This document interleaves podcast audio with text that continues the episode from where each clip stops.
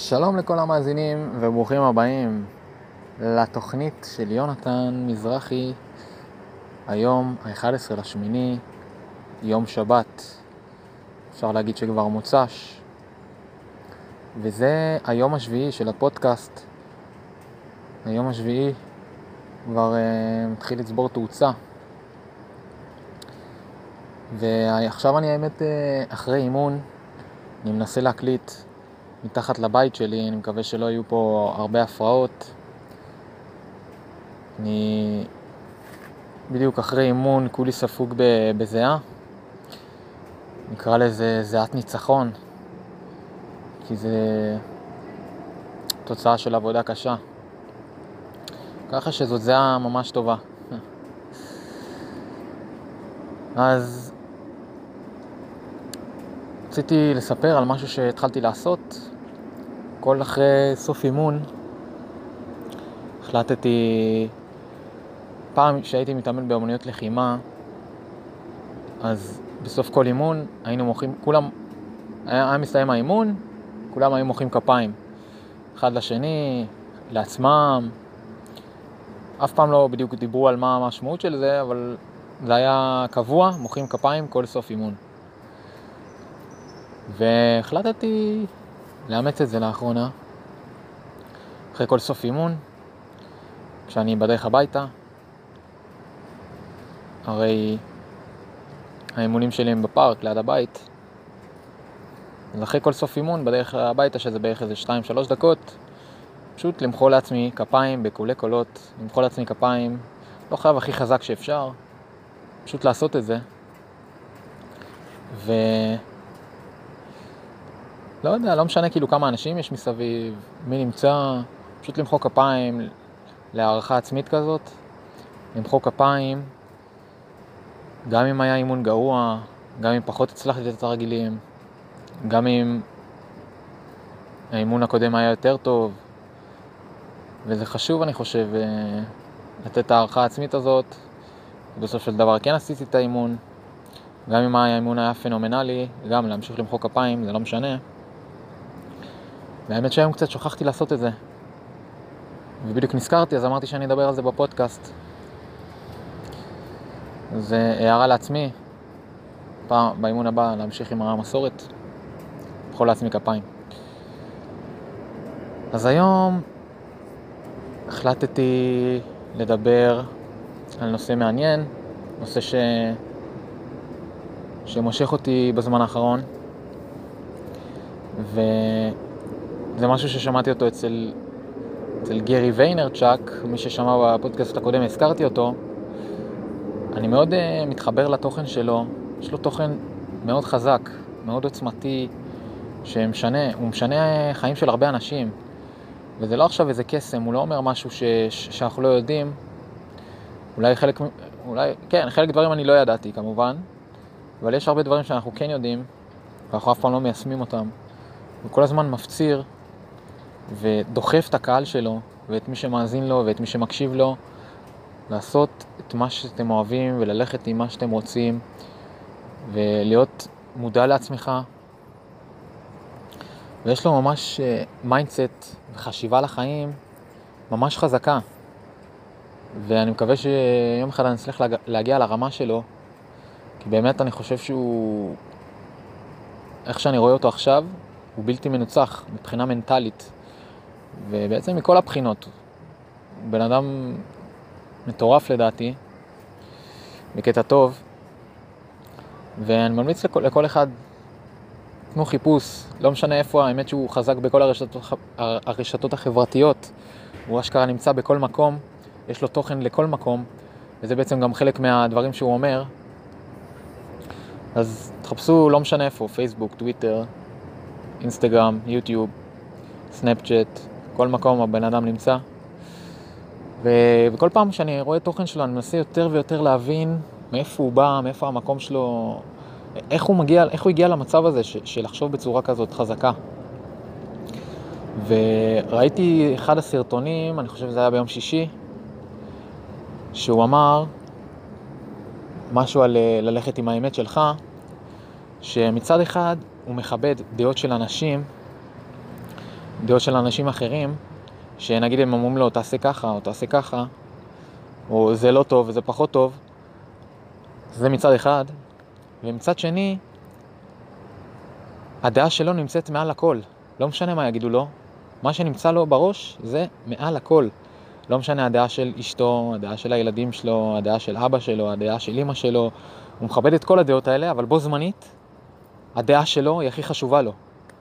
ואני חושב שזה משהו עוצמתי, והוא כל הזמן אומר את זה, והוא כל הזמן חוזר על זה, ולפעמים זה קשה לעשות את זה, זה קשה ליישם את זה, כי אנחנו כל הזמן מושפעים מגורמים חיצוניים, ולפעמים, דוגמה, ההורים שלנו דוחפים אותנו למקומות אחרים. לדוגמה, אתה, לדוגמה, ההורים יעדיפו שאתה תלך למסלול יותר בטוח, מאשר ללכת אחרי החלום שלך שאתה באמת אוהב. עכשיו, דוגמה מהמציאות, נגיד ואתה אומן, זמר, לא יודע מה, ו... וההורים שלך רוצים שאתה תלך תהיה דוקטור, והם מעדיפים שאתה תהיה דוקטור, מעדיפים, וזאת הדרך הבטוחה, ואולי אתה תצליח, אבל יכול להיות שזה לא משהו שאתה הכי אוהב, וזאת בעיה, כי, כי ייווצר כזה ויכוח, ולפעמים כשההורים שמים את הלחץ הזה על עצמך, ואתה נמצא בשלב שאתה לא יודע בדיוק מה אתה רוצה מהחיים, והם לא בדיוק, לא תמיד הם תומכים, שוב, זה די שונה מסיטואציה לסיטואציה, אבל קורים מצבים שאתה בעצם מכבד את הדעה של אחרים יותר מאת הדעה שלך. גם אם זה ירגיש לך קצת בלב אה, פחות אה, נכון, אתה תעשה את זה כי לוחצים עליך, זה לחץ חברתי כזה נקרא לזה. ובעצם מה שהוא אומר, זה שהוא מעדיף, הוא מעדיף למות מהחרב של עצמו, מהחרב שלו, מאשר מחרב של אחר. והוא אמר את זה באנגלית, זה הסרטון היה באנגלית, והוא אמר את זה ככה, I prefer, I would prefer to die from my own sword and not die from other sword, משהו כזה. שוב, אני, לא רוצ... אני מעדיף למות מהחרב של עצמי ולא מהחרב של אחרים. מה זה אומר? זה אומר שהוא יעדיף לנסות איזה משהו ש... שהוא חושב שנכון באותו זמן, איזה דעה שיש לו, כמובן אה, בדרך שלו.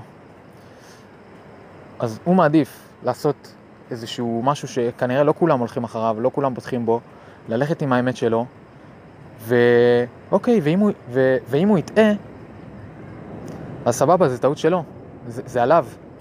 וסבבה, אז הוא יגיד, אוקיי, טעיתי, טעיתי וניסיתי את הדרך שלי, אבל לפחות עכשיו אני יודע שטעיתי ואני למדתי מהטעו, מה, מכל התהליך הזה של, ה, של הטעויות, ועכשיו אני יכול ללכת ל, ל, לאופציה אחרת. ובאותה מידה הוא גם אומר שאם הוא כן צודק, אז הוא יוכל לבוא לכל אלה שבאו ואמרו ולא האמינו בו, צדקתי, תראו, כאילו, הלכתי בדרך שלי וזה, וזה עבד. והכוח שיש בזה, זה שזה ממש חשוב ללכת אחרי החרב של עצמך, כמו שהוא קורא לזה. כי לפעמים אנחנו בוחרים ללכת על דעות, ש... על דעות של אנשים אחרים, חרבות של אנשים אחרים, ואז אחרי זה אם יתברר שהם טעו, אז יהיה לנו איזה תירוץ להאשים אותם, וואי, או, או יהיה לנו איזה חרטה כזאת, וואי, למה הקשבתי לו? למה עשיתי את זה? הייתי צריך ללכת עם, ה, עם, ה, עם מה שהיה לי בראש. הרי היה לי איזה תוכנית בראש, ו... ופתאום הוא בא, ו... ופתאום איזה מישהו אמר לי איזה משהו, והחלטתי לשנות את הדעה שלי. ואז אתה כאילו לא לוקח אחריות, אתה כאילו אומר, אני מאשים את הבן אדם האחר הזה, ו...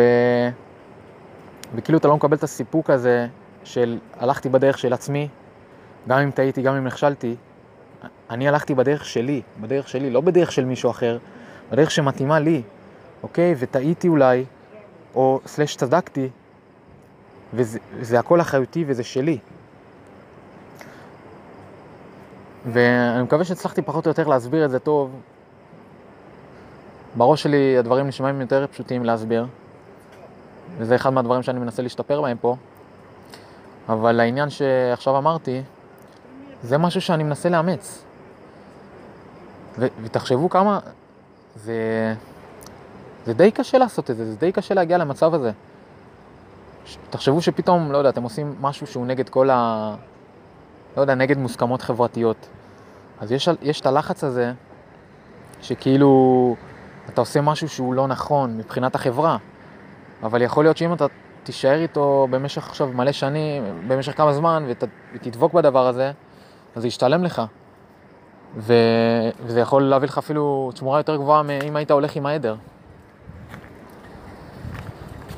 אז, אז כן, זה משהו, זה, זה אחד הדברים שאני עכשיו חושב עליהם. יש כל מיני דברים ש, שאני יכול אה, להגיד ש, שאני מנסה שזה... ש, ש, שאני מנסה שזה יעבוד לי. כי לכל אחד יש את הדרך שלו, ולפעמים הדרך של האחר נראית קצת יותר טוב. לפעמים הדרך שלך, אתה לא בטוח בעצמך, אז אתה מנסה משהו אחר.